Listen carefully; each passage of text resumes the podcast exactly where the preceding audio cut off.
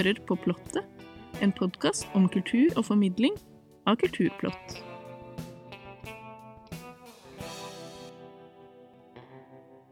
Denne julen har vi besøk av hele 29 artister.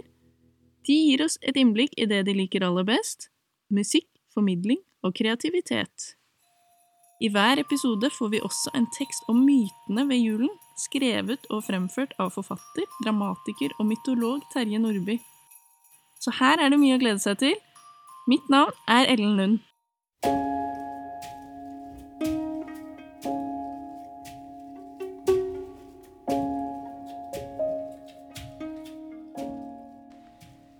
Det dere hører her, er starten på Ine Hoems nye julesang. Hennes versjon av Wexford Carol er oversatt av faren hennes, forfatter Edvard Hoem, og den har fått tittelen 'Å menneske ved juletid'. Velkommen til deg, Ine Hoem, og gratulerer med en fin julesang.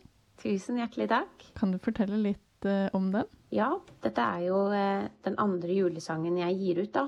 Um, og det er en, en uh, gammel irsk julecarol som jeg har sunget i mange år. Men som jeg tidligere har sunget på engelsk, og så i høst så fikk jeg lyst til å spille den inn i litt sånn ny drakt, da. Og da spurte jeg pappa om han kunne oversette teksten. Pappa er jo forfatter og eh, skriver, eh, skriver, tekster, så da eh, gjorde han det. Og så ble det da dette resultatet. Det er liksom en sånn videreføring av 'Å synge natt' som jeg ga ut i fjor. Som også Ja, det gikk jo veldig bra med den. Ja, og planen er at det er del av et større prosjekt? Er det sånn? Ja, eller jeg har i hvert fall, jeg har i hvert fall sett, sett, ut at jeg kanskje skal gi ut én julesang i året. Det er veldig lite økonomisk eh, å spille inn én sang sånn i året, men eh, jeg har en sånn plan om at kanskje om sju-åtte år da, så, så, kommer det en juleplate. Og hva er bakgrunnen for at du valgte akkurat den sangen? Um, Nei, jeg, jeg, har jo kanskje tenkt at det, eh, det, er fint å prøve å finne fram noen sanger som ikke er så kjente for folk også. Um, og denne sangen her er jo ikke gjort på norsk før, så vidt jeg vet. Så det er liksom en del av ideen bak det, da, er å på en måte lage en litt egen versjon av en, en litt mer sånn tradisjonell folke, irsk folketone. Um, det er en, en egentlig hele juleevangeliet fortalt på tre vers. Så den er ganske sånn ja, hva skal jeg si, litt sånn kompakt i, i, stilen, da. Det er jo som du forteller, faren din, forfatter Edvard Hoem, som har oversatt teksten. Og det er ikke første gang dere jobber sammen. Dere slapp tidligere i år ut uh, albumet 'Alt vi har kjært', der du tonesatte en rekke av hans tekster. Ja, uh, det gjorde vi. Vi har jo siste året jobbet eh, Eller jeg har siste året jobbet med en plate som er da med pappas tekster. Eh, som kom ut ifra egentlig at jeg plutselig hadde veldig mye tid da, høsten 2020. Og det er en plate jeg har tenkt på i mange år, men jeg fikk liksom satt i gang prosessen nå. Og da har jeg tatt med meg tre salmer som pappa har fra før. Og så har jeg skrevet fem nye melodier da, til fem av pappas helt nye tekster. Eh, og så gikk vi i studio og spilte inn eh, i november i fjor, og så har det da blitt en plate med, med pappas tekster og mine melodier. Og så har vi turnert med det i hele høst. Altså det har jo vært en eh, veldig, ja, en veldig fin, en fin reise, vil jeg si. Ja, hvordan har det vært å være på turné med, med faren sin? Det har vært veldig, veldig gøy og egentlig litt sånn der minne for livet. Det er jo klart at det å være på turné er jo altså litt krevende også uten folk man har en nær familierelasjon med. Men, eh, men jeg syns det har gått veldig bra. Vi samarbeider godt eh, både profesjonelt og, og privat, og vi blir veldig fort sånn ja, Vi er veldig enige om formen på konserten. Eh, så det, det, har vært egentlig veldig Det har vært veldig givende og veldig morsomt. Og litt slitsomt òg, da. Jeg blir litt sånn derre tenåringsirritert av og til. men, eh, men, det har gått veldig bra. er det et annet publikum på disse konsertene enn du er vant til? Ja, det er jo på en måte det. Mm, Det er klart at Pappa sitt publikum er jo for det første litt eldre, men vi har opplevd litt at nå har det vært en sånn god miks, da. Det er ganske mange som kommer og eh, tenker at de også har et forhold til meg og musikken min. Altså folk som er litt yngre. Så jeg syns det har vært en god blanding. Eh, men det er jo klart at det er jo veldig mye av pappa sitt publikum som, altså, som hørte oss Signa natt i fjor, da, som kommer og liksom har lyst til å høre oss. Eh, og de er jo veldig begeistret for pappa sine romaner i første omgang, men så blir det en sånn introduksjon, introduksjon til meg gjennom dette her, da, for det er jo først og fremst musikken som står i fokus på denne turneen. Når du jobber eh, med faren din og med tekst, gir du han frie tøyler, eller hender det du eh, har noen innspill til tekstene? Nei, vi, vi, sender jo litt sånn fram og tilbake, sånn at eh, jeg kan få en tekst av han som har ganske mange vers, og da kan jeg be han om å kutte ned og det er jo fordi at jeg jobber i et sånt eh, pop- og viseformat hvor ikke det nødvendigvis skal være masse vers, men kanskje det skal være vers og refreng, da. Eh, så kanskje jeg henter ut noen setninger som jeg syns er viktige, og gjør det til refreng. Eh, og så kan jeg også be han om å kutte setninger eller eh, forenkle strofene litt hvis de virker litt sånn lange og tunge. Men, jeg, men det går jo begge veier òg. Altså, han har også sagt på en måte sånn at jeg, jeg, er på vei med en melodi, som egentlig betyr at det, kanskje den ikke er helt ferdig, men at den er på vei til å bli ferdig. da. Så det er liksom en del av det kreative samarbeidet som jeg syns har vært veldig bra. At det er åpent for å kunne justere og endre på ting, da. Uten at noen blir lei seg for det. Hvor viktig er tekst og historiefortelling for deg? Det er kjempeviktig.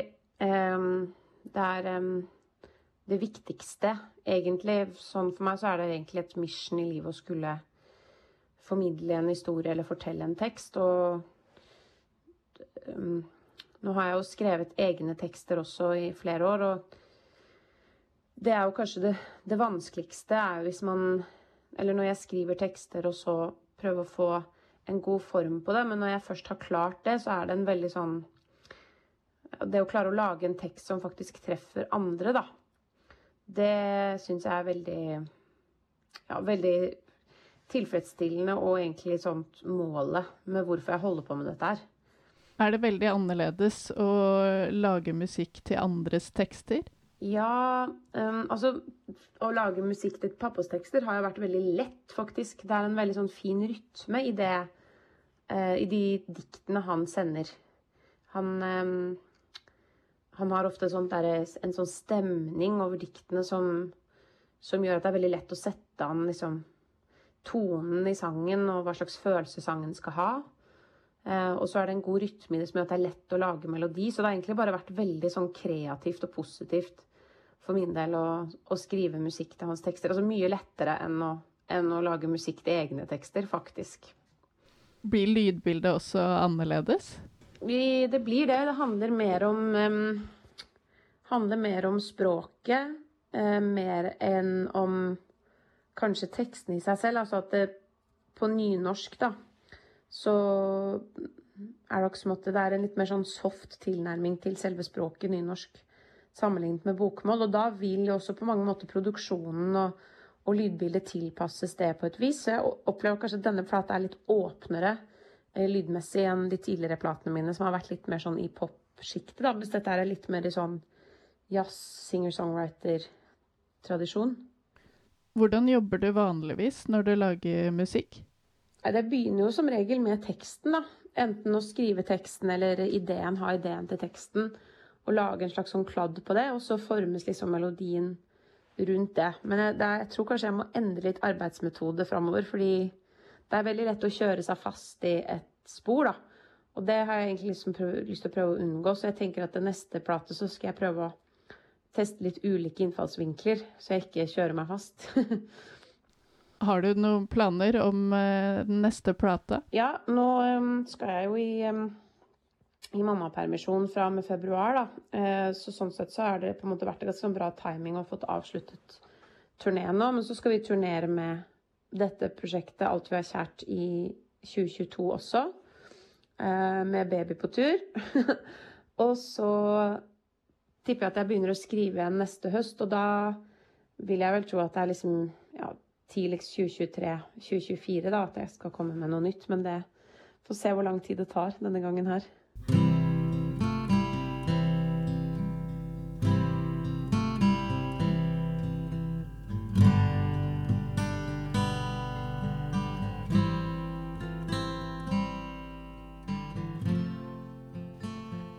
Er jo snart jul nå.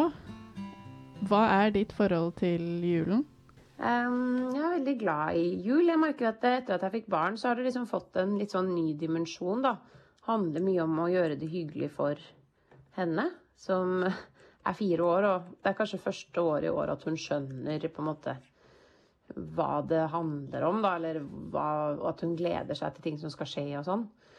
Så, men jeg tror nok at jeg er ganske sånn tradisjonell i innfallsvinkelen min. At jeg liker å gjøre det litt sånn etter, etter et sånt oppsett som jeg har vokst opp med selv, da. Eh, ikke kjøpe juletre før lille julaften. Nå tror jeg faktisk vi skal kjøpe juletre litt tidligere i år, fordi uh, vi skal reise bort andre juledag og bli borte, så vi må liksom ha det juletreet litt. Men ja, nei, jeg er veldig glad i jula, altså. Det er jeg. Har du noe spesielt du alltid gjør? Jeg er egentlig veldig opptatt av å ta det med ro. Juleferien er en av de få feriene hvor jeg faktisk har helt fri. Eh, og mannen min har helt fri. Så da Han er musiker, han også, så vi benytter liksom muligheten til å skru tempoet veldig ned, da. Så minst mulig stress er egentlig målet mitt. har du noen favoritt-julesang? Ja, altså av de gamle, liksom tradisjonelle, så er jeg veldig glad i mitt hjerte alltid vanker. Og den 'Det lyser i stille grender', den syns jeg er veldig fin. Og så har jeg utrolig sansen for den eh, Jul i svingen, som er fra den barne-TV-serien som eh, som Odd Nordstoga har skrevet, da, som Ingebjørg Bratland synger. Den syns jeg synes den melodien er så utrolig fin. Så det er kanskje en av de liksom mer moderne favorittene mine, da. Hva med av julefilmer? Har du noen favoritt?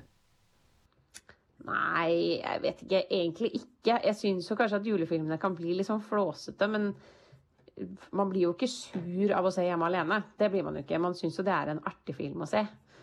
Så um, Men uh, at jeg har en favoritt-julefilm, det kan jeg ikke akkurat si. Ja, men da takker jeg for at du ville være med. Det var veldig hyggelig. Vær så god. Veldig hyggelig å være her. Så må du ha god jul. God jul. Da skal vi høre Ine Hoems 'Å menneske ved juletid', før vi gir ordet til forfatter Terje Nordby.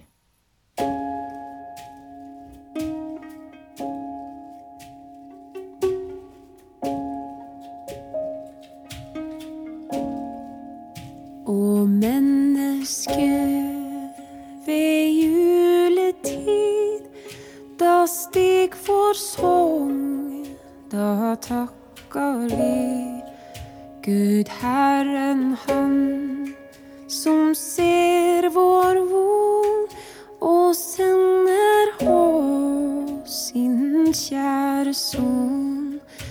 Ja, med Maria i lag bed vi til Gud på juledag i Betlehem med englekor kom Kristus til vår arme jord.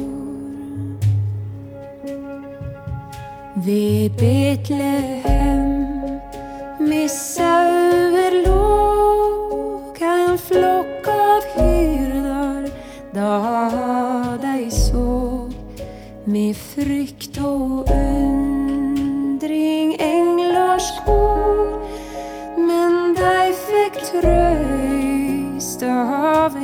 ord.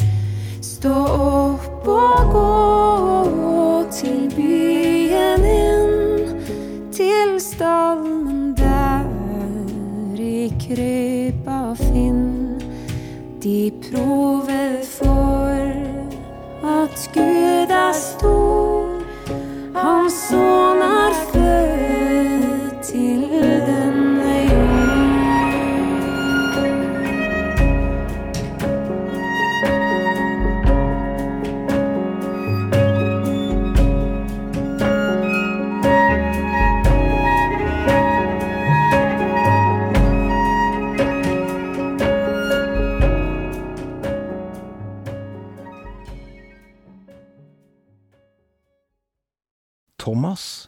av de tolv, han som ble kalt Tvillingen, var ikke sammen med de andre disiplene da Jesus kom. Vi har sett Herren, sa de til ham, men han sa, Dersom jeg ikke får se naglemerkene i hendene hans, og får legge fingeren i dem og stikke hånden i siden hans, kan jeg ikke tro. Dette står i Johannesevangeliet og er bakgrunnen for at disippelen Thomas blir kalt tvileren. Åtte dager senere ber den oppstandende Jesus Thomas om å sette fingeren i såret i siden hans, slik at han med egne sanser skal få kjenne at han er virkelig. 21. desember het tradisjonelt Thomas messe, til minne om denne apostelen. Det går atskillige legender om ham, blant annet at han skal ha misjonert i Iran og i India, der de kristne i 1942 feiret 1900-årsdag for hans ankomst til landet. Og i 1972 ble Sankt Thomas utropt som Indias apostel av pave Paul 6. På slutten av 1900-tallet skulle han komme til å få en betydning som overgikk ryktet fra misjonslegendene. Bakgrunnen er at oldtidens teologer refererte til et visst Thomas-evangelium, som de advarte mot som kjettersk, men ukjent og forsvunnet. Så, i desember 1945, drar tre brødre fra Øvre Egypt til Jabalfjellet for å finne gjødseljord. Der graver de frem en rød leirkrukke, knuser den og finner 13 papyrusbøker i lærinnbinding og gir dem til sin mor, slik at hun kan bruke dem til å tenne opp med. Tilfeldigvis får en historielærer se funnet. Senere blir skriftene i sin helhet kjent for allmennheten, Blant dem er en kopi av Thomas-evangeliet. Thomas-evangeliet består av Jesus-utsagn uten fortellingsrammer. Her er ingen død og oppstandelse, ingen lidelseshistorie, mirakelberetninger, referanser til Jesus som Messias eller Guds sønn. Det legges vekt på innsikt. Det oppfordres til å bryte med alt som hindrer i å følge Jesus og nå frem til erkjennelse. Tonen er mystisk preget. En form for hemmelig kunnskap er nøkkelen til det Gudsrike som er både inni oss og rundt oss. Diskusjonen om dette er Jesu egentlige budskap, eller om det tvert imot er et forløyet skrift fra de vantro, er en sak som i virkeligheten angår bare de som kjenner seg avhengig av å knytte sin religiøse virksomhet til bestemte historiske tradisjoner. For oss andre er det én av mange mulige kilder til større visdom i et univers der ingenting er helt sikkert. Det er snart juleevangeliets tid. Var Jesus virkelig født av en jomfru, og var han faktisk Guds sønn? Ja, sier den skråsikre, Nei, sier tvileren. Fortellingen går sine egne veier, og enser ikke noen av dem. Les daglige kulturnyheter på kulturplott.no, og få med deg dokumentarer, eksistensielt stoff og kultur i papirmagasinet Kulturplott. Plottet var ved programleder og teknisk ansvarlig Ellen Lund.